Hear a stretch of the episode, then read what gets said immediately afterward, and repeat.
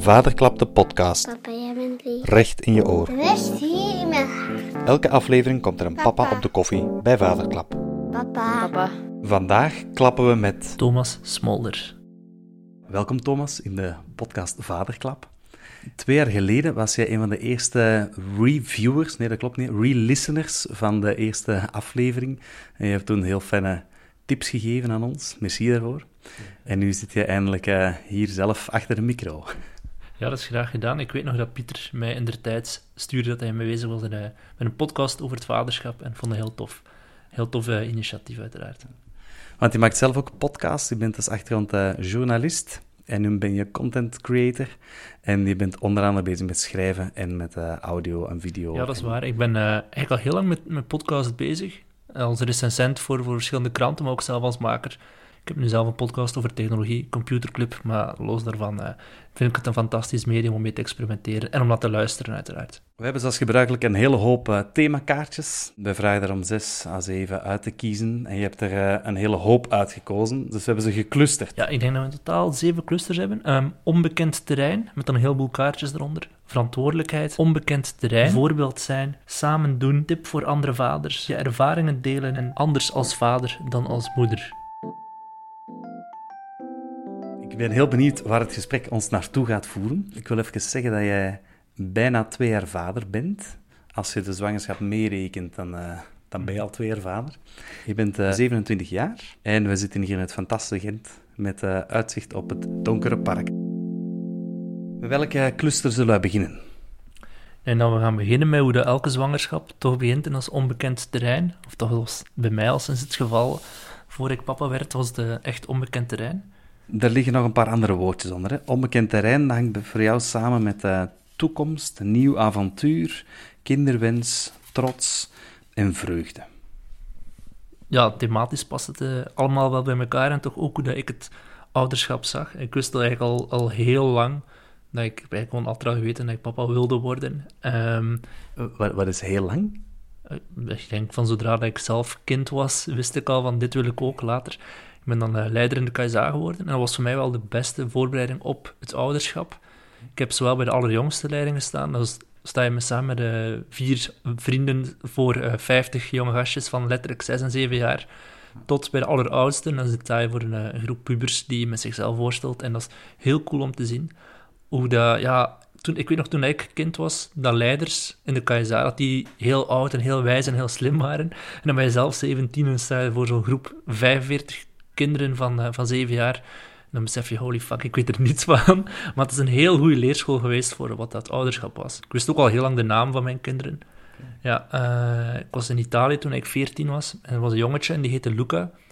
En ik wist toen al, als ik ooit een kind heb, jongen of meisje, dat wordt gewoon de naam. En ik ben heel blij dat mijn vriendin, we zijn nu acht jaar samen, eh, we hebben elkaar leren kennen op Erasmus. Zij komt uit Frankrijk, ik uit België. En we hebben elkaar in Finland leren kennen.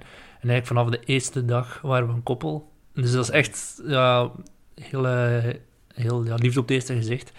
Eh, na drie weken waren we al bezig over de kindjes. Gewoon al, al namen aan het, aan het delen. En we zijn heel snel ook ja, tot overeenstemming gekomen dat die naam het, eh, het ging worden. En dat is gewoon in die, al die jaren nadien, nog voor de zwangerschap, als we in een kinderwinkel voor binnen gingen, dan waren we al bezig over Luca en over de andere namen die we hebben. Dus dat is, dat is eigenlijk heel planmatig allemaal gebeurd. We wisten ook heel bewust van, we gaan nu zwanger proberen worden. Zij zal nu proberen zwanger worden. En dus helemaal geloopt zoals dat ik het eh, gepland had. Ongelooflijk dat, dat je dat al zo, zo snel weet. Kom je uit een, eh, een groot gezin? Ik heb één broer en één zus. Ik ben de oudste. Mijn broer is twee jaar jonger en mijn zus is vijf jaar jonger dan mij.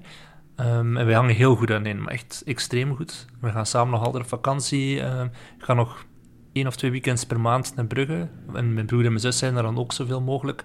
Dus wij, wij horen elkaar ook heel veel, bijna elke dag. Eh, ja, fantastisch gezin. Een beetje zoals eh, iemand, eh, Josephine Dalemans van Charlie Magazine, die zei ooit van ik hoop dat ik later ook zo'n band met mijn kinderen ga krijgen. Het is precies zoals de reclame in de, in de boekjes, omdat we samen naar Canada waren geweest. Dat we waren gaan kanoën met heel het gezin en dan op een, op een leeg, onbewoond eiland zijn blijven slapen en zo. Is ja, fantastische manier om zo te kunnen opgroeien. Om even terug te gaan naar het onbekend terrein. Ik, ik wist dus wel dat ik ouder ging worden, of dat ik papa wilde worden, maar ik wist er niets van inhoudelijk van hoe dat, eh, precies verloopt of zo. En ik had ook heel veel mensen, als ze voor de eerste keer zwanger zijn of papa gaan worden, hebben zo de neiging om heel veel research te gaan doen, uh, boeken te gaan lezen. En je hoort dat bij veel mensen naar podcasts beginnen luisteren en zo. Maar ik had eigenlijk totaal niet, omdat ik er vierkant gerust in was dat dat wel goed zou komen. Maar anderzijds ook omdat ik, ja, dus stel dat je een hond in huis zou gaan halen en dat je gewoon in het wilde weg research begint over een hond op zich. Je hebt Terwijl je in, de werkelijkheid hebt en een Labrador en een Chihuahua. En die hebben allemaal een andere manier nodig om mee om te gaan. Um, om die op te voeden ook. En bij kinderen heb ik ook dat gevoel. Ik, wist op, ja, ik zou op voorhand alle research kunnen lezen, tot en met van begin tot einde. Maar dan zou ik waarschijnlijk beginnen panikeren. Of niet per se panikeren, maar zou ik waarschijnlijk beginnen, beginnen dingen inbeelden van wat als die later leerproblemen heeft, of wat als die later uh, wel of niet op het potje zou kunnen gaan. ik dacht, ik laat dat gewoon allemaal bij afkomen en ik zal dat wel zien wat dat wordt. In plaats van op voorhand al die boeken te lezen. Dus ik was er wel, ik was heel relaxed. Uh, mijn vriendin ook, wij zijn al twee, hebben daar ja, heel relaxed naartoe geleefd. Weinig boeken gelezen, ook nog altijd nu. Ik moet niets weten van die, van die opvoedingsboeken. We hebben er eentje in huis. Dat heeft wel hou vastgegeven. Nee, dat er nog een vraag, ja, verantwoordelijkheid, een ander kaartje. Eén boek, Oei, ik groei. Um, dat heeft over die sprongetjes zo gezegd. Dat zegt van een kind die, die groeit op en daar gaan met ups en downs. En er hangt altijd een biologische redenering achter waarom dat een kind moeilijk doet in een bepaalde periode van het leven. En dat was voor mij wel een klik. Ik dacht een paar mensen de eerste keer dat onze dochter uh, wat moeilijker deed, dacht ik, wat is dat? Er gaat nu voor altijd zo zijn. En als ouder de eerste keer, als je er niets van weet, dan denk je dat is hier voor de rest van de maand of voor de rest van het jaar gaat hij zo moeilijk doen. En toen had ik dat last van, dat gebeurt in sprongetjes. En dat is omdat ze bijvoorbeeld voor het eerst kleuren kan zien, of omdat ze voor de eerste keer dieptezicht ontwikkelt en de wereld verandert rondom haar. Toen dacht ik, ah, oké, er zit een systeem achter. En daarom is die zo, en het gaat voorbij. En dat was voor mij het meest gelukzalige gevoel van het besef van, is gewoon logisch dat dat nu verandert. En dat ze daarom even moeilijk doet, maar het gaat weer weg, het gaat over. Ja, dat is het enige boek waar ik echt veel... Uh, ik heb het zelfs niet uitgelezen. Het was gewoon die intro, het feit van... Ah, het werd in sprongetjes. was een hele geruststelling al voor mij. Onze dochter die lag in de stuit, voordat ze geboren werd. En dat heeft ook wel voor een zekere geruststelling gezorgd. Omdat dat een keizersnede was. En uh, dan wisten we op voorhand al van... Ja, die dag om zo laat zal ze geboren worden. Dan had ik ook zo niet bij de eerste zwangerschap die stress van, ah fuck, haar water gebroken zijn van mijn vriendin. We moeten nu reizen naar het, naar het ziekenhuis. Maar we wisten gewoon, dan zal het gebeuren. En dat is een heel bevreemdende ervaring om zo morgens vroeg door Gent te wandelen, om zeven uur s morgens met een trolletje, met ons twee, als we dat op citytrip gingen. Gewoon bloednuchter, super relaxed, toekomen in het ziekenhuis en zeggen van ja, ik moet hier om elf uur bevallen, eh, waar moet ik zijn? En dan gewoon buiten te komen, een paar dagen later, mijn dochter. Dat is uh, heel bevreemdend, maar ook wel geruststellend. Ik kan het niet voorstellen hoe dat is om op een natuurlijke manier te bevallen en al die stress die daarbij komt kijken. En ik voor een ideaal scenario, gewoon voor het eerste kind, was dat perfect eigenlijk. Ja, ja. En ik hoorde er plannen dat er meerdere kinderen mogen komen. Ja, ja, tuurlijk. We hebben dat altijd al zo besloten van we gaan vier kinderen uh, krijgen en we gaan er zoveel jaar tussen telkens. En, uh, ja, ik zeg het, ik ben heel planmatig op zo dat soort dingen. De rest van mijn leven is heel instabiel meestal, zo op werkvlak en dat soort dingen. Laat ik dat allemaal meer, meer op mij afkomen. Maar zo in mijn privéleven heb ik net, net nood aan die stabiliteit. Om, je hebt een comfortzone nodig om er voor de rest uit te kunnen stappen. Hè. Ja. En voor dat, ja, op privévlak ben ik wel uh, heel planmatig van dat ga ik dan doen. Trouwen op, doe ik op dat moment. En ja, er zit wel een systeem achter. Ons volgende topic is uh, verantwoordelijkheid. En daaronder? Daaronder staan onder andere moedig zijn, loslaten, beschermen, zorgen, school en angst. Thematisch horen ze een beetje bij elkaar allemaal. Ik denk dat die verantwoordelijkheid, dat al heel vroeg geleerd. Ja, mijn oudste kind van drie, dus ik ben sowieso wel al wat verantwoordelijk voor, voor hen. En in de KSA als leider heb ik ook heel snel geleerd wat dat is om effectief al zorg te moeten dragen voor, voor kinderen. En meestal dan een heleboel kinderen tegelijk. Dus dan leer je het wel snel. Dat is echt een, een heel goede leerschool geweest. Maar ik denk ook met mijn dochter, besefte ik ook al van bij begin, van ja, dat is een mens waar ik voor de rest van mijn leven zorg voor moet dragen. Of toch zeker die eerste 18 jaar, wat ze daarna doet, dat is dan haar probleem. Maar um, het heeft wel voor, voor situaties gezorgd. Ik was um, vorig jaar in Brazilië op vakantie, aan de andere kant van de wereld dus, in mijn eentje. Mijn vriendin was het nog hier, maar als dochter. En toen is onze dochter in het ziekenhuis beland met een infectie. En ze hebben eigenlijk nooit gevonden wat dat precies was. Maar dat was wel zo'n eerste reality check. Van, ja, ik zit nu aan de andere kant van de wereld. Mijn dochter in het ziekenhuis, moet er ook s'nachts slapen met mijn vriendin. En dat je dan beseft van, ja, ik kan nu niet terug naar de andere kant van de wereld vliegen, maar ik zou toch niets kunnen bijdragen. Andere ouders zouden dan misschien wel zo helemaal beginnen panikeren. Maar ik denk dat we net omdat we, ik met mijn vriendin zo'n goede band hebben, of zo goed op hetzelfde level zitten, dat ik wist van zij is bij onze dochter, dat komt allemaal goed. En ik ga hier in Brazilië, ik heb er al de eerste dag wel zo'n beetje mottig rondgelopen van, ja, wat gebeurt er dan in Gent? Maar dan, toen ik terug was in, in Gent, een maand nadien is ze weer ziek gevallen. Ze hebben eigenlijk nooit gevonden welke infectie dat ze had. En ze heeft vijf dagen en nachten in het ziekenhuis gelegen. En dat was wel heavy, eh, want zelfs mijn ouders zeggen, zeiden van ja, we hebben nooit vijf nachten in het ziekenhuis moeten overblijven. Eh, zeker omdat ze niet vonden wat dat was. Maar dat is dan wel weer zo dat verantwoordelijkheidsgevoel van oké, we gaan er alles aan doen om eh, haar te- haar- onze dochter te helpen. Ze had er gelukkig zelf niet te veel eh, last van. Maar en, en heb je het eigenlijk gevonden? Nee, ze hebben het nooit gevonden. Dat is dan ook weer zo dat, dat loslaten. Daar heb ik wel totaal geen probleem mee. Ik merkte wel bij andere ouders dat die wat bemoederend of bevaderend eh, dan zijn. Maar ik vind dat bij ons, wij zijn daar eigenlijk heel relaxed in. Als het gaat over babysits of zo, ik denk, onze dochter was, toen dat die één maand was, hebben we die gewoon bij onze ouders een keer achterlaten en samen gaan, gaan, gaan eten of zo. Toen dat die drie maand was, hebben we via die Beastit-app gewoon een babysit dat we niet kenden eh, naar hier laten komen. Terwijl wij naar de cinema gingen, nou niet ver, maar toch. Terwijl ik bij, als daar met andere mensen over babbel, andere papa's, zijn er veel wantrouwiger tegenover. Maar als ik dan, zeker op die Beastit-app, kun je zien wat dat iemand doet als, als beroep. Kun je reviews lezen van andere mensen.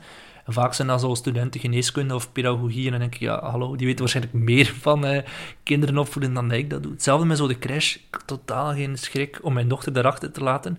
Want die, het zijn meestal vrouwen die daar werken. Die hebben veel meer ervaring, al jarenlang. Die hebben alles al gezien. Ja, zij weten veel meer van een kind opvoeden dan mij. Tuurlijk. Ik kan alleen maar van hun leren. Ik moet er niet bang, niet bang voor zijn. Ze zijn in goede handen.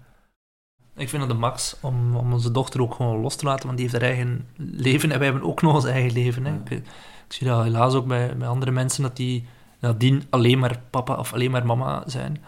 Gelukkig dat zowel mijn vriendin als ik daar wat nuchterder eh, in staan dan, maar ja, ik snap, allee, dat is misschien omdat we heel veel geluk hebben met onze dochter, dat die daar ook zelf zo vlot mee is. Nou, andere kinderen, ze heeft nooit gehuild en de crash toen ze afgezet werd. Ik kan me voorstellen dat dat bij andere mensen misschien wel zo is en dat je daar dan anders in staat.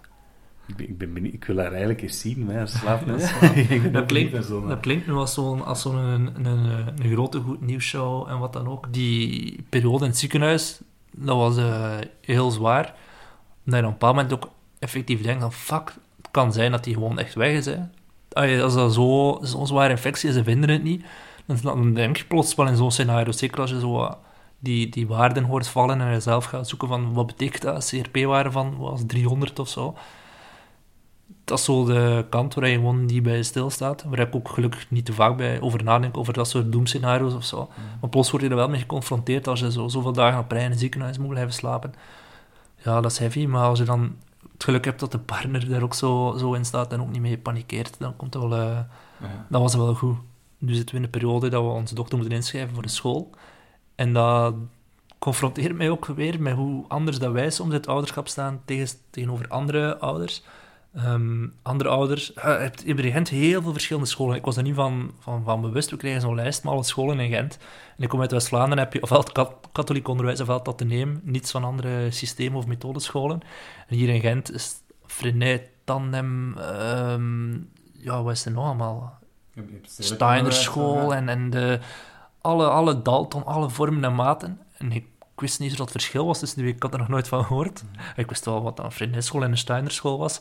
Ehm, maar we zijn dan zo'n school rondleiding ga- gaan doen, met, waar er ook andere ouders bij waren. En die stellen de meest uiteenlopende vragen, maar echt zodat ik bijna panisch word in hun plaats. Dat die zo zitten, zitten te letten op details waar ik niet eens bij van wakker lig. Ik heb gewoon, ik kom binnen de school, ik voel, is er een goede klik met die leerkracht, ja of nee? Ook daar weer, ik heb er alle vertrouwen in dat die dat wel goed zullen doen. Maar je hebt zo, mijn moeder heeft zo'n artikel doorgestuurd, gewoon in de NRC, over curling-ouders. En dat zijn ouders die echt zoals in het curlen, zo alle, alle effen, oneffenheden wegvegen voor het kind, zodat hij zo'n vlak mogelijk parcours aflegt. Ik ben zo totaal niet... ah ja, hoe cares dat onze dochter soms eh, niet, niet per se gezond eet, of dat die dat niet alles perfect... Dat is ook, als je zo vasthangt aan zo'n theorie, ik denk hoe meer van die opvoedingsboeken dat je leest, hoe meer dat je zo je- jezelf in een systeem gaat steken van het moet zo zijn. Als je jezelf zoveel regels oplegt als ouder, maar ook voor je kind, die voelt van, oh mama is zo eh, gecrispeerd, of hoe noem je dat? Ja. Ja, wees gewoon een relaxtere kind, voelt dat keihard. Als je jezelf constant moet inhouden en moet corrigeren en moet zeggen van, oh nee, we mogen nu geen chocolaatje, maar het moet dit soort eh tussendoortje zijn of wat dan ook. Ah.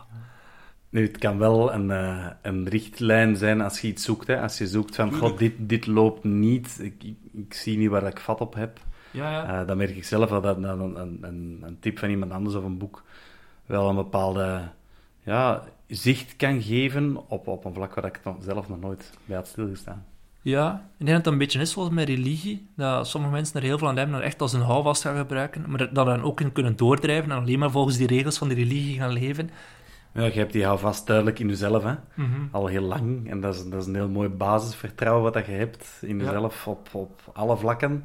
En Ja, ook in je vandaar- relatie. Hè? Vanda ja, vandaar dat ik het soms ook moeilijk heb om met andere ouders te praten, Ja. omdat die zo wakker liggen van dingen waar ik totaal niet van wakker lig, over babysits of wat dan ook. Ja, het was een, een collega, een vrouwelijke collega van mij, die heeft ook een kindje van ongeveer dezelfde leeftijd. En het ging over babysits en zij zei van, ja, maar wat, wat als die je dochter stelen? En dat was een vraag ik dacht, wat?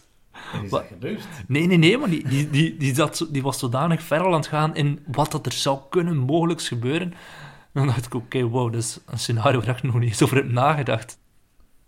Dat, dat maakt het wel moeilijk soms om er met andere ouderen over te praten. Dat ik gewoon soms heb zin om op te zeggen van chill, het komt allemaal goed. Heb je dat bij mannen of bij andere vaders ook, als je met vaders praat? Ik vind dat heel mooi om met andere vaders te praten over kinderen. Mijn moeders gebeurt dat supersnel, want vanaf van zodra die merken dat ik iemand ben die graag babbel, en als ze merken ah, die heeft een kind, dan gaat dat super vlot.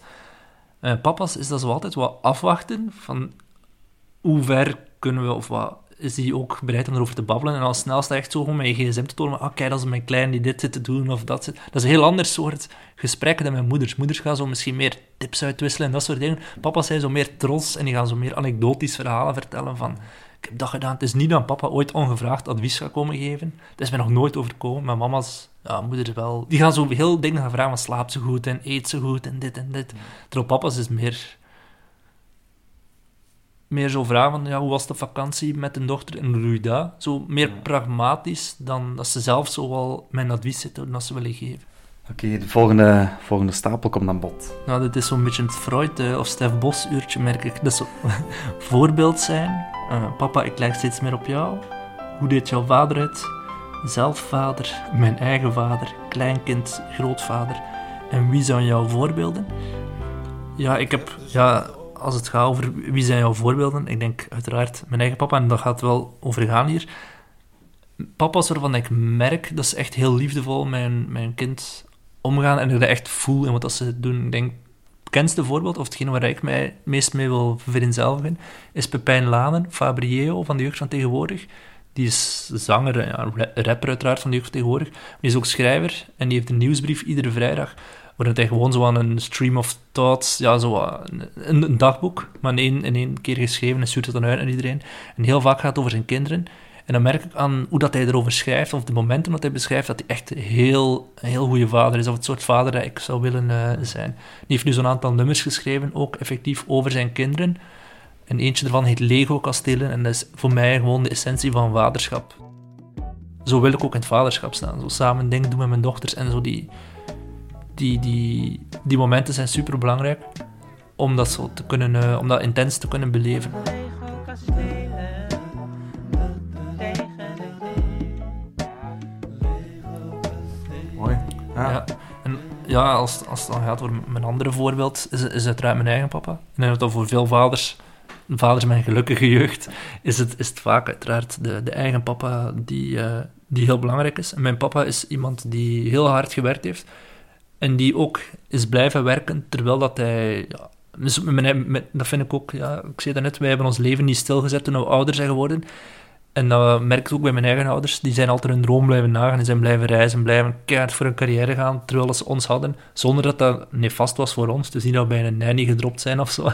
Die vonden zo die balans wel. Maar ik vind dat heel belangrijk, omdat ik daardoor ook zelf ambitieus ben geworden. En ik wil niet hetgene zijn, de ouder zijn, die op zijn vijftigste tegen eh, het kind moet zeggen van ja, ik had dit, dit en dit. Zo een beetje mistroostig van ik had dit nog willen doen in mijn leven en dat en dat. Nee, ik wil er alles uithalen, maar ik ben mijn ouders zie dat zij dat ook gedaan hebben, ondanks, of net door het feit dat ze kinderen hadden. Voordat ik papa werd, had ik met een vriendin een gesprek. En ik was met haar bezig over het ouderschap en hoe dat ik hoopte dat mijn kind zou worden. En ik vertelde van, ik wil dat ze nieuwsgierig is en kritisch en ehm, een aantal belangrijke eigenschappen die ik zelf heel belangrijk vind. En zij zei mij toen van, ja, maar je weet toch dat ze... Je kan dat niet dwingen om zo te zijn. En toen heb ik moeten van, ja, fuck, dat is waar. Ik kan niet iemand zo, zo dwingen, maar iemand wordt wel zo, omdat hij, hij of zij, de ouders, dat die doen. En toen ben ik zelf gaan nadenken van, hoe ben ik zo geworden? Waarom ben ik niet bang om op mensen af te stappen en hun dingen te vragen? Waarom ben ik niet schuchter? En dat is omdat mijn papa zelf ook altijd als we in het bos gingen gaan wandelen en er was een wild vreemde door een verrekijker aan het tuurluren naar een vogel, dan ging mijn papa op die man af en ging die vragen van, hey, wat is je naam? En wat, nou, wat ben het kijken? Zo die, die heel snel die connectie leggen met die persoon. En dan ons ook erbij roepen van, jongens, kom hier, zeg ik hallo tegen meneer. En het wisten, mochten we mee in die persoon zijn huis, bij wijze van spreken. En, dan, en dat is wel zo'n manier waarvan ik denk, ja, op dat moment was het super awkward. Ja, als kind, als je papa je zo roept bij een wild vreemde, of, ah jongens, ik heb hier vriendjes voor jullie gevonden. en die dan zo dropt bij, bij andere kinderen die je totaal niet kent. En dat is super awkward als kind. Maar als ik daar nu over nadenk, dan heb ik daar wel door geleerd dat het perfect normaal is om op een wild vreemde af te stappen. En als je de weg kwijt bent, gewoon naar een wild vreemde te gaan en te vragen, ja, naar waar moet ik gaan, of wat dan ook. Zo super zelfstandig geworden, net de, door die skill. En dat is, ja, monkey see, monkey do. Zo probeer ik me ook voor mijn dochter er telkens aan bewust te zijn van als ik haar nu toon dat ze kritisch moet zijn, of uh, zelfstandig, of uh, nieuwsgierig, eh, dat ze gewoon moet blijven vragen stellen aan, aan wildvreemde mensen of zo, dat ze die habit vanzelf al zal kweken. Dus mijn papa was heel vaak op reis, um, en voor zijn werk, maar als hij er was, dan was, wel, was hij wel heel aanwezig. En hij wilde ook wel dingen doen, en dat, was, dat is iets wat ik ook wel belangrijk vind met mijn dochter. Ik wil niet zo ja, ik haat het zo, ik ben heel rustloos. Hè. Ik heb ADHD, maar echt letterlijk. Dus als ik thuis ben, een weekend, ik kan niet zo, andere mensen vinden zalig om uh, een dag in de zetel te zitten, of een dag, of een dag om een uur nog maar in bad te liggen, of een uur op het strand te liggen, maar ik, kan, ik word er gewoon fysiek slecht van. Ik wil altijd dingen doen, doen, doen, en uh, dat is wel een zegen voor haar dan waarschijnlijk ook, dat ze later kunnen zeggen, ik heb weekends lang om teven wat gedaan, maar ik ben niet thuis gebleven. Ja. Ben je bang om, uh, om thuis te blijven en om de wereld niet te beleven? Je kan de wereld ook thuis beleven via boeken en zo, hè, maar ik ben... Dat is gewoon niet zo mij, ik ben er veel te rusteloos voor. Ja. Om gewoon zo stil te... En mijn vriendin komt daar zot van, want zij is wel zo. Zij zou perfect de zondag nog langer in bed willen blijven liggen of niet, maar ik ben om vijf uur wakker en ik, sta, ik spring uit bed en ik ga dingen doen. Ja, dat is wel een beetje balans zoeken. Ja. Ik hoop ik hoop vooral dat mijn dochter die ADHD niet heeft. ADHD is zo echt typisch een jongensziekte. Um, dus de kans dat ze het heeft zal, zal wel kleiner zijn. Ik weet ook niet in, hoeverre dat erfelijk is, maar dat is gewoon heel zwaar. Uh, op fysiek, maar ook gewoon mentaal. Dat constant nadenken bent, constant... Ja, andere mensen zeggen, oh, ik lig soms nog wakker in mijn bed van denk, maar nee, bij mij is dat echt wel tien keer erger dan bij iemand die geen ADHD heeft. Dus dat is, uh, dat is gewoon fysiek ook zwaar en de klas is dat heel lastig en zo. Dat is zoiets dat, waar ik wel zo beschermend over ben. Als ze dat heeft, dan weet ik gelukkig hoe, ermee, wat dat, hoe erg dat kan zijn en hoe je ermee om kan gaan. Maar uh, ik hoop vooral, vooral als ze dat niet heeft. En mijn papa is nu dus naast zelf vader, is hij nu grootvader geworden. En dat is een, een heel fijne dynamiek om te zien. Ook wel grappig om te merken dat hij heel veel dingen, uh, het hoe deed jouw vader het, heel veel dingen die nu voor ouders van nu vanzelfsprekend zijn, zoals de papa helpt mee de luier te verversen of wat dan ook, dat dat in die tijd al wat minder was. Mijn papa wist totaal niet hoe dan de luier ververst moest worden, of die was dat misschien al vergeten, maar ja, dat alles is blijkbaar nog niet zoveel gedaan. Merk ik dan zelf als ik eh, papa word, maar hij gaat er heel goed mee om. Um, ja, mijn, mijn moeder is ook, allee, die, die zijn alle, alle twee heel groot fan van... Uh, onze dochter. En dat is tof om te zien dat ze zo welkom is in heel de, heel familie.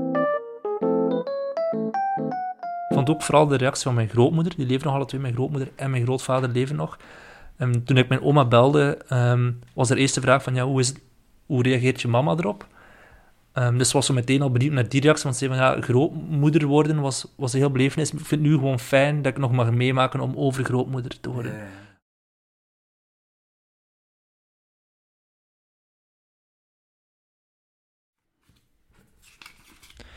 Het volgende kaartje is samen doen. En daarbij horen onder andere vakantie, spelen en voelen. En dat is ook een, heel belangrijke klik die ik gemaakt heb, was bij het beluisteren van de podcast van Alex Agnew, Welcome to the AA, waarin dat eh, Sven de Ridder te gast was. En die had het over het feit dat hij iedere zondagavond met zijn, vriend, met zijn eh, kinderen naar een film keek. Altijd een andere film, dat hij dan zelf koos. En die zei van, ja, maar dat is nog niet zo zot als dat Steven van Herwegen doet. Steven van Herwegen, die organiseert iedere kerstvakantie voor zijn kinderen een filmfestival thuis. En dan maakt hij een bro- brochure, programmabrochuretje, waarin dat hij de mogelijke films voorlegt. En dan kijken ze met de beamer naar de film. En, en Sven de Ridder was zichzelf zo'n beetje aan het ondergraven van, ja, maar Steven, die doet dat nog veel zotter. En Alex, die corrigeerde hem meteen en zei, nee, maar je moet dat niet doen. Dat is de max dat je dat doet, want dat zijn de dingen dat jouw kind later zal herinneren. Dat was zo'n gesprek tussen twee vaders, waar het echt om de essentie ging. Van, je moet niet bang zijn, hij is fucking goed bezig. Dat is wel iets dat papa's ook kunnen zeggen tegen elkaar, want hij is fucking goed bezig. Dat is hoe dat moet. En niet zo elkaar afbreken, maar gewoon zeggen, dude, respect voor hoe hij het aanpakt. Er zijn zo'n aantal momenten die voor mij bepalen, mijn beeld van mijn papa bepalen. Vaak kwam hij dan thuis op een zomeravond, op een schooldag, de donderdag of zo. De dag nadien hadden we nog school. En dan zei hij, kom, we gaan naar de zee. We gaan daar een ijsje gaan eten. En dan reden we van Brugge naar de zee, gewoon puur om een ijsje te eten, die zee te zien, terug in de auto en terug naar Brugge. Ook nu, toen ik die klik heb gemaakt, toen Alex Agnew dat zei, dacht ik, shit, ja, ik moet er ook gewoon voor zorgen dat mijn dochter zo'n aantal van die dat ik zo van die momenten zelf creëer, want dat creëer je natuurlijk zelf. Dus niet dat dat vanzelf komt, dat soort spontane dingen.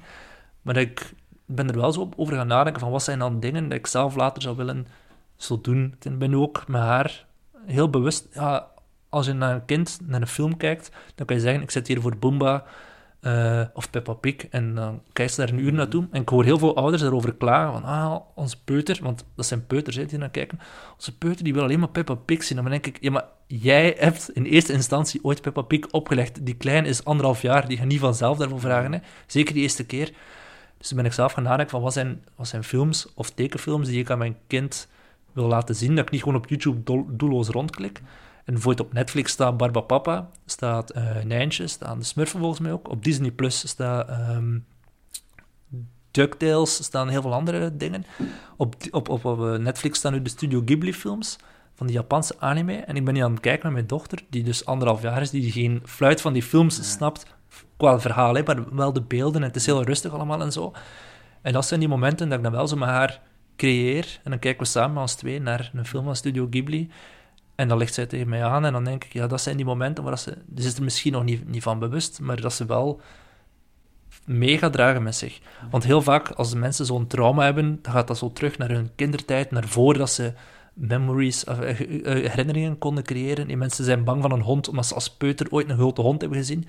En dan gaan ze altijd over dat negatieve, maar dan denk ik, je kan dat ook omdenken en ook die positieve ervaringen die je als peuter of als baby meemaakt, kunnen gigantische impact hebben op, jou, op jouw persoon.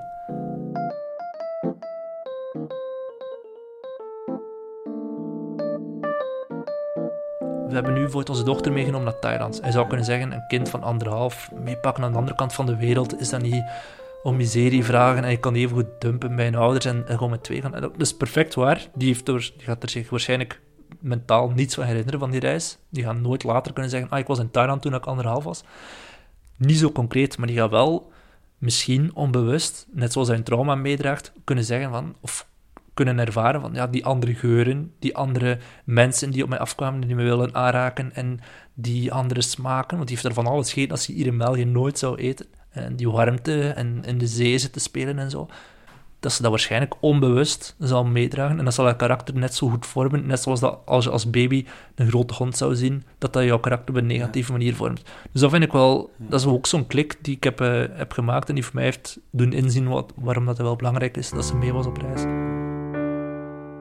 Ik heb het- de volgende kaartje, het zijn er een heleboel die eigenlijk vooral mijn partner slaan, zijn de anders als vader dan de moeder. Eerste man zijn in het leven van je zoon of dochter. Regelen, partner, eerste moment van je papa voelen. Alleen of samen opvoeden en stabiliteit. Ja, ik denk dat, ik een, eh, dat godsgeschenk is dat mijn vriendin en ik exact op dezelfde lijn zitten over heel veel dingen. We hebben heel weinig discussie, of toch zeker niet over moeten we haar strenger aanpakken of niet, of moeten we dat of niet. Ook eh, heel weinig ruzie heb ik gehoord. Ja, ja, dus echt, al- als we ruzie hebben, dan duurt het letterlijk drie uur en dan is weer voorbij. Omdat we twee beseffen hoe onnozel dat soms, of hoe onnozel dat heel veel ruzies zijn. Maar dat, dat is wel belangrijk dat je een partner hebt waar dat zo mee werkt. Want ook daar, als bijvoorbeeld onze dochter s'nachts lawaai maakt, dan kan je ofwel zeggen, een van de twee, ik sta recht, ik ga het nu gaan doen. Of hij gaat dat nu doen, ik sta recht, hij doet het. Ofwel heb je dan misschien andere mensen die zeggen, oh, het is jouw beurt, of ik doe alsof dat ik slaap, om toch maar niet wakker te moeten worden, en ik hoop dat een andere wakker wordt. Nee, je moet er niet kinderachtig over doen, het is gewoon, sta op, gaat er naartoe, van de twee, en blijft ernaast slapen als het moet. Maar je verliest zoveel tijd, en ook daar je maakt jezelf alleen maar moeilijker, door er zo mee, om dan op dat moment, om twee uur s'nachts, in discussie met elkaar te gaan, of als een klein kind te doen alsof dat hij slaapt, in de hoop dat de andere partner gaat. Ja, nee, dat is... En ook gewoon op tijd aangeven van... Ik ben gewoon moe, ben kapot, ga er mee naar buiten, neem het even over van mij, want ik zit niet meer, eh, niet meer zitten. Dat is super belangrijk, dat je ook dat gewoon communiceert met elkaar. Kijk, ik denk dat eh, helemaal aan het begin van de, van de podcast zei je iets over... hey, ik, ik heb me niet voorbereid. Ik heb geen boeken gelezen. Ik heb me niet ingelezen in het vader worden. Ik heb dat gewoon gedaan. Maar ik denk die, die relatie die je op hebt gebouwd met je vriendin... De manier waarop jullie dat doen en de klik die jullie hebben gemaakt... Ik denk dat dat de allerbelangrijkste voorbereiding is. Ja, absoluut. En ook gewoon omdat we al vanaf week drie dat we samen waren, het al hadden over kinderen en dat we ook gewoon in gesprek, dat is een beetje weird, maar dat we gewoon in gesprekken al babbelden alsof die er waren. Ja. Dat we zeiden van, ah, we gaan dat jurkje dan kopen voor Luca. En Ja. dat, dat was dan ook, toen dat, dat kind er, er dan eenmaal was, dan was dat zo vanzelfsprekend dat dat gewoon nooit een issue is geweest. Heel veel dingen hadden we op voorhand al uitgepraat en dat we zo'n beetje fantaseren over hoe gaat het later zijn. En dan, daar, dan merk je al snel van, oké, we gaan dat dan we gaan haar zo opvoeden en we gaan eh, het boek Mathilda voor haar kopen. En dat lag hier al twee jaar voordat ze geboren was. Gewoon omdat we zo al, al een beeld hadden van, dat zou de max zijn. En nu is het gewoon effectief, die, die droom is er gewoon. Als het gaat over alleen of samen opvoeden, soms zijn er weekends dat ik ehm, alleen bij mijn dochter ben, of omgekeerd, dat mijn vriendin alleen met onze dochter is, omdat ik op reis ben of zij is op weekend met, weet ik veel, met vriendinnen of zo. En dan merk je wel hoe zwaar dat is, moest je echt constant alleen moeten staan. En heeft mij zoveel respect doen, eh, doen geven voor alleenstaande ouders. Dat moet echt zo zwaar zijn. Eh, ja, niet zijn respect voor, voor mensen die er alleen moeten staan, want het is heel belastend, zeker als je zo niemand hebt om, als, als je heel moe bent, om te zeggen, pak hij even over, want ik kan gewoon echt niet meer. Ja, ik kan, dat, kan me dat zelfs niet voorstellen hoe dat, dat moet zijn. Ben jij je bewust van eh, dat jij de eerste man bent in het leven van, van jouw dochter? Goh, ik, ik ben me niet per se bewust van het feit dat ik de eerste man ben in het leven van mijn dochter. Ik ben er wel bewust mee bezig om mijn dochter te laten opgroeien op een, eh, op een niet per se cliché manier. Als we het dan hebben over, ja, een dochter zou je meteen kunnen zeggen, nou, alleen maar roze kleren en alleen maar dit soort speelgoed of dit soort films of zo.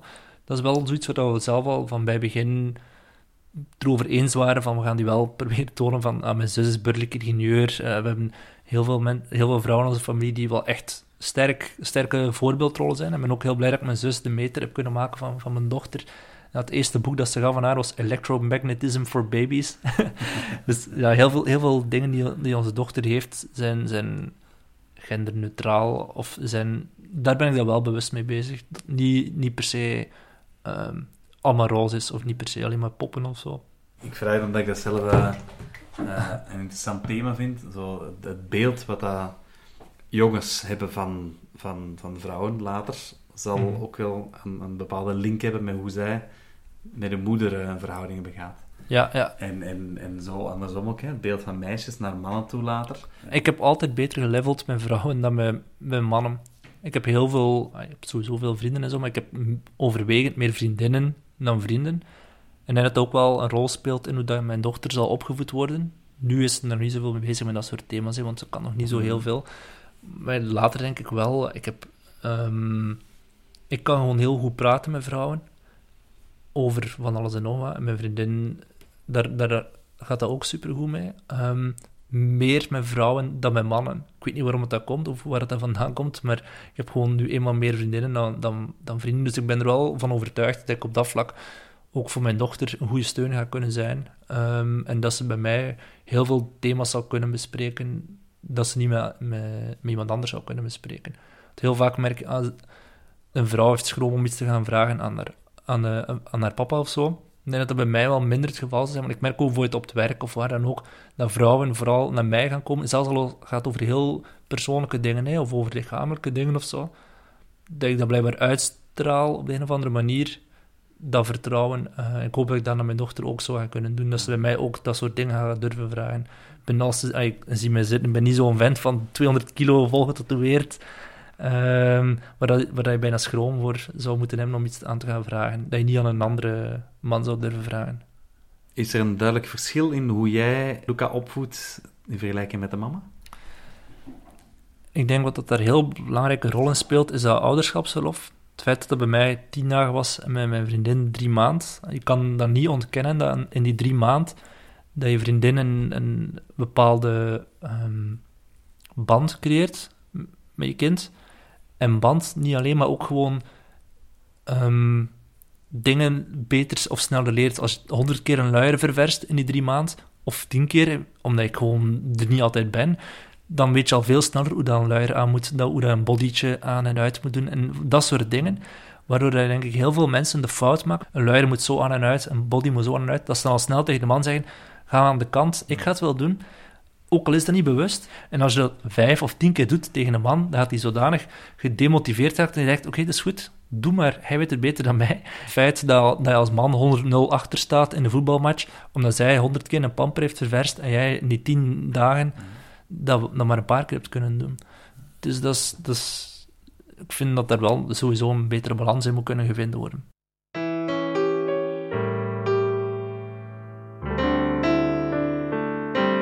Jij bent Nederlandstalig opgevoed, jouw vriendin is Franstalig opgevoed. Hebben jullie daar een bewuste andere rol in, naar Luca? Spreken jullie anders? Ja, ik spreek Nederlands als ik tegen Luca praat en mijn vriendin Frans. En onderling, om het nog extra moeilijk te maken, spreken mijn vriendin en- en ik Engels tegen elkaar. En dat is heel fascinerend om te zien hoe dat ze daar nu mee omgaat. Want ze begint nu te praten en voor sommige woorden pakt ze het Franse woord en voor sommige het Nederlands. Er zit geen systeem in. Er zit echt totaal geen systeem in. Haar is haar to van manteau, of haar, schoenen zijn haar eh eh, chaussette. Ehm, terwijl voor andere dingen is, dan, is dat weer heel Nederlandse woord dat ze gebruikt. Dus dat is echt... Ja, het, het meest awkward is dat ze voor eend, kanaar, wil zeggen dat ze kaka zegt. Dus ze loopt in een park kaka te roepen, constant. En wij weten dat ze kanaar bedoelt, maar al die andere mensen denken dat ze in haar broek gekakt heeft. Dus dat is, super awkward. Ja, maar voor de rest, ik denk dat dat, denk dat het heel fascinerend gaat zijn later, als hij zo perfect die twee talen gaat kunnen. Ehm, is een ongelofelijke cadeau die je Tuurlijk. heeft. Hè? Twee, Ja, ja. drie talen dan waarschijnlijk. ja, ja, absoluut. Ja, de Engels zal er vanzelf ook wel bij komen. Hè. Dus ja, ze zeggen altijd, je moet consequent zijn, maar wij kunnen niet anders, want dat is nu eenmaal onze moedertaal. Ik zou moeten moeite doen om Frans maar te kunnen praten, dus ik spreek gewoon constant Nederlands tegen. Het volgende is een kaartje dat ik er zelf op ingezet, omdat ik het wel heel belangrijk vind. Eh, en is online identiteit. Een ander kaartje dat er een beetje bij past, is je ervaringen delen. Ik ben iemand die heel graag dingen deelt. Niet per se eh, vanuit reflex van kijk naar mij en hoe fantastisch dat ik ben, maar meer omdat als ik iets vind, dat ik de max vind, dat ik dat gewoon met andere mensen wil delen. En of dat dan iets is uit mijn eigen leven, of een boek dat ik van, fantastisch vind, of een, of een mooie film of zo, ik wil altijd delen. En dat zit er al van, van toen ik kinds af aan, eh, zit dat er al in. Ik ben denk ik de eerste generatie. Eh, Toen ik 12 was, had ik een netlog-account. Dus ik had een social media-account nog voor ik mijn meisje gekust heb. Ik ben letterlijk opgegroeid voor de ogen van de mensen op het internet, bij wijze van spreken. Want ik heb altijd al die, die drang gehad om te bloggen en te tweeten en op Facebook en op Instagram te zitten. En mensen die mij al 20 jaar volgen, bij wijze van spreken, het is geen 20, maar 15 jaar, die hebben gezien hoe dat ik mijn vriendin heb leren kennen toen ik op Erasmus ging en hoe dat we... Al die, die stappen die daaraan vooraf gingen, dus die hebben ook, die weten dat mijn dochter bestaat en, en dat soort, eh, ja, die hebben dat zien evolueren doorheen de tijd. En die hebben mij ook zien opgroeien van een jongetje van 12 tot de gast van 27 dat ik nu ben. En dat was de max om zo die online, om ook online die identiteit te gaan ontdekken. Je hebt zo de, de gewone identiteit, is ik ben Thomas en dat is mijn beroep. En dat, maar online kan ik mij totaal anders profileren. En nu merk ik heel veel ouders, als die een kind krijgen, zeker mensen die net zoals ik veel op sociale media zijn, die delen ook foto's en video's van hun kind. En dat is dan herkenbaar. Of gewoon die delen van, ah, hij is op potje gegaan, of heeft dit gedaan, of dat, dat gedaan. Die, zijn heel veel over hun kind aan het schrijven. Waardoor dat, dat kind al een online identiteit krijgt, zonder dat hij daar zelf, of zij zelf, zeggenschap in heeft. Ik heb dat gezien met andere mensen, die tweeten zo heel veel over de grappige dingen van hun, van hun kind, maar dat kind is misschien super schuchter en heeft een paar keer iets grappigs gedaan. En dan komt hij toe op een feest en dan al die andere volwassenen die er meteen naar dat kind gaan en zeggen ah, ik heb gehoord dat je zo grappig bent en eh, maar je hebt dit gezegd tegen mama of je hebt dit gedaan. Zo al meteen een beeld hebben gecreëerd van dat kind, zonder dat dat kind daar zelf zeggenschap heeft kunnen hebben. En ik wil dat mijn dochter zelf bepaalt, of zelf moet kunnen bepalen wie dat zij is en hoe dat zij zich profileert aan de buitenwereld toe.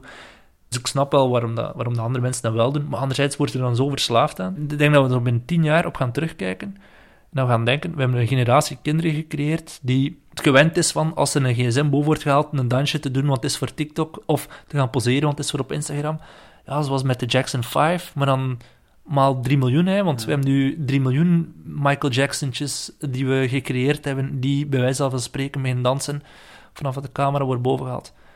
Ik wil er wel op een heel bewuste manier, ik wil er tonen van, kijk, het internet is een fantastische plek, die heeft mij heel zelfzeker gemaakt.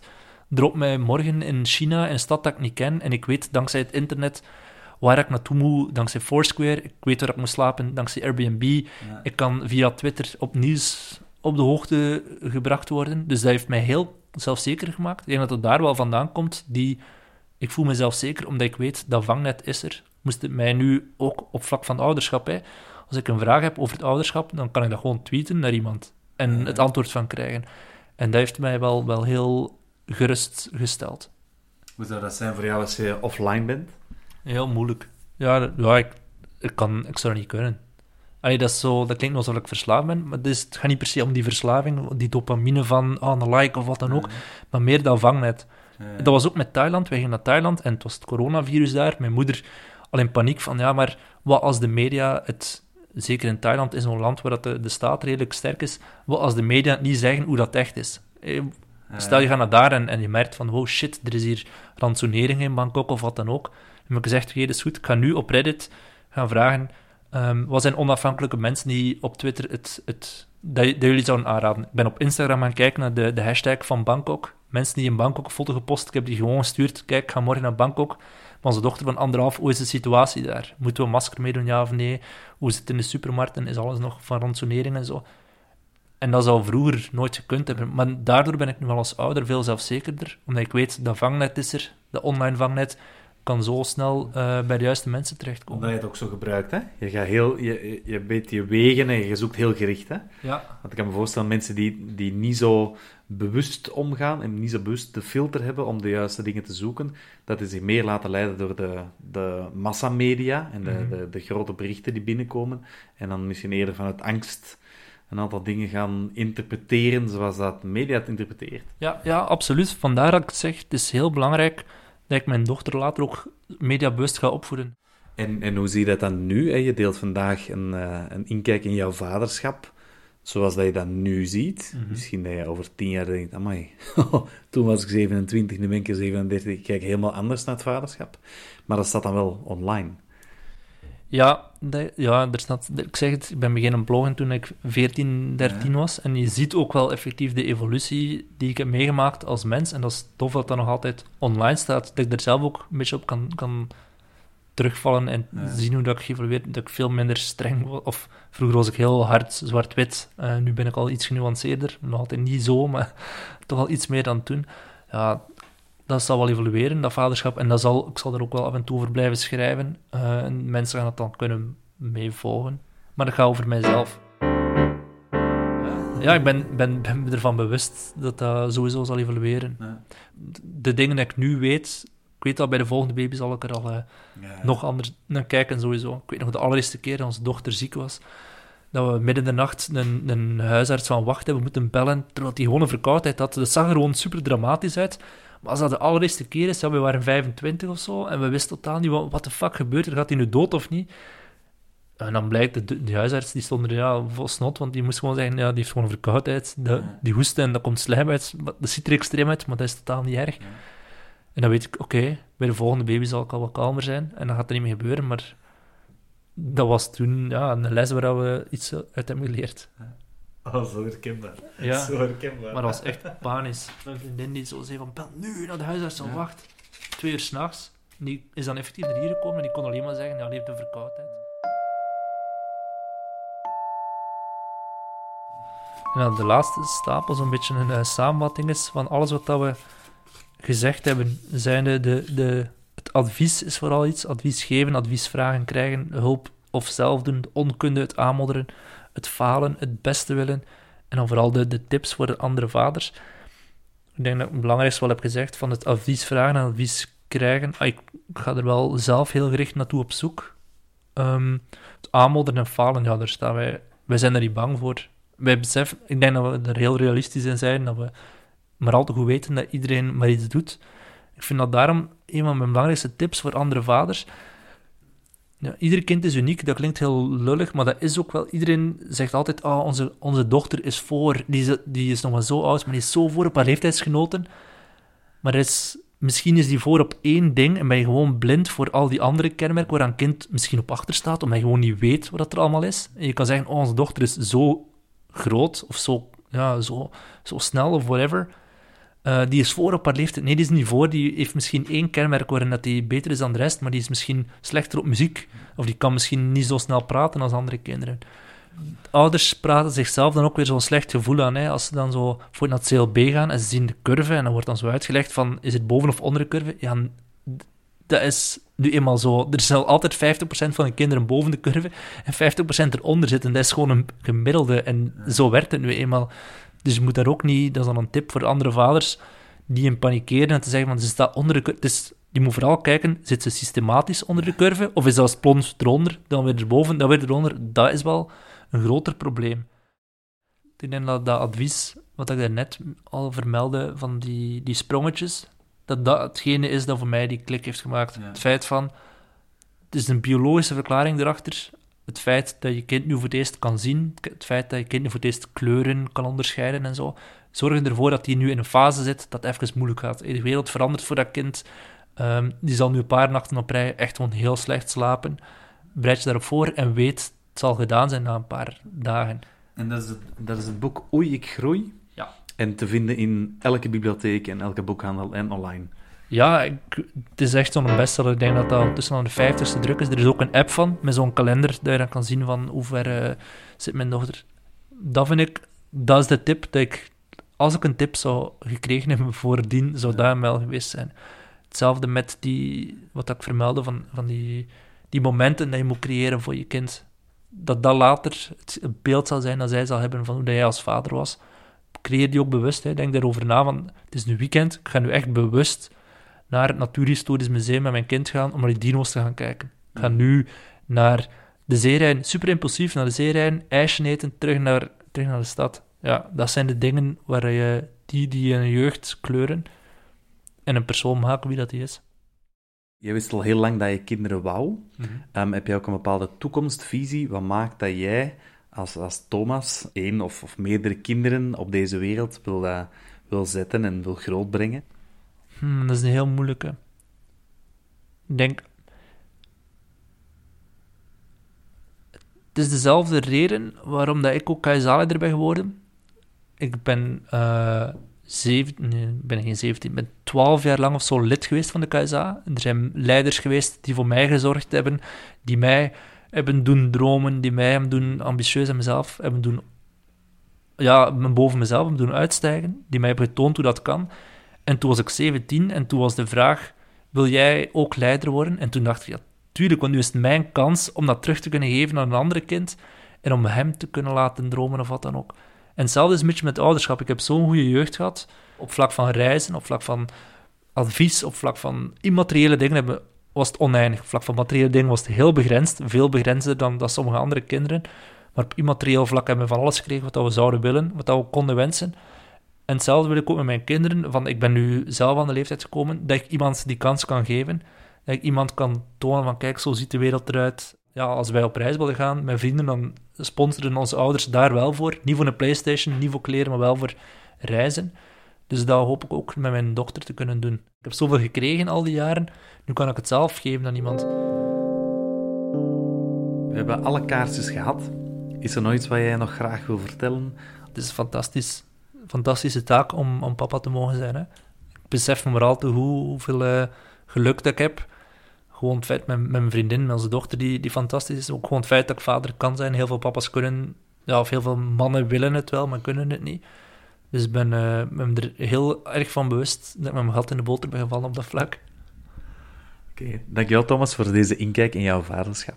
Dat is graag gedaan. Het was eh, heel tof om te doen. U luisterde naar Studio Vaderklap. Papa. Mis geen enkele aflevering en abonneer je gratis via eender welke podcast-app, via Spotify, Soundcloud of luister gewoon op vaderklap.be. Papa. Papa. Vaderklap wordt opgevoed en grootgebracht door de founding fathers Pieter en Wimmy, met de hulp van Wim, Stijn en Hans. De muziek is van Daan Richard, featuring Oeroes. Inderdaad, een vaderklap. Volgende keer klappen met een andere papa. Tot dan!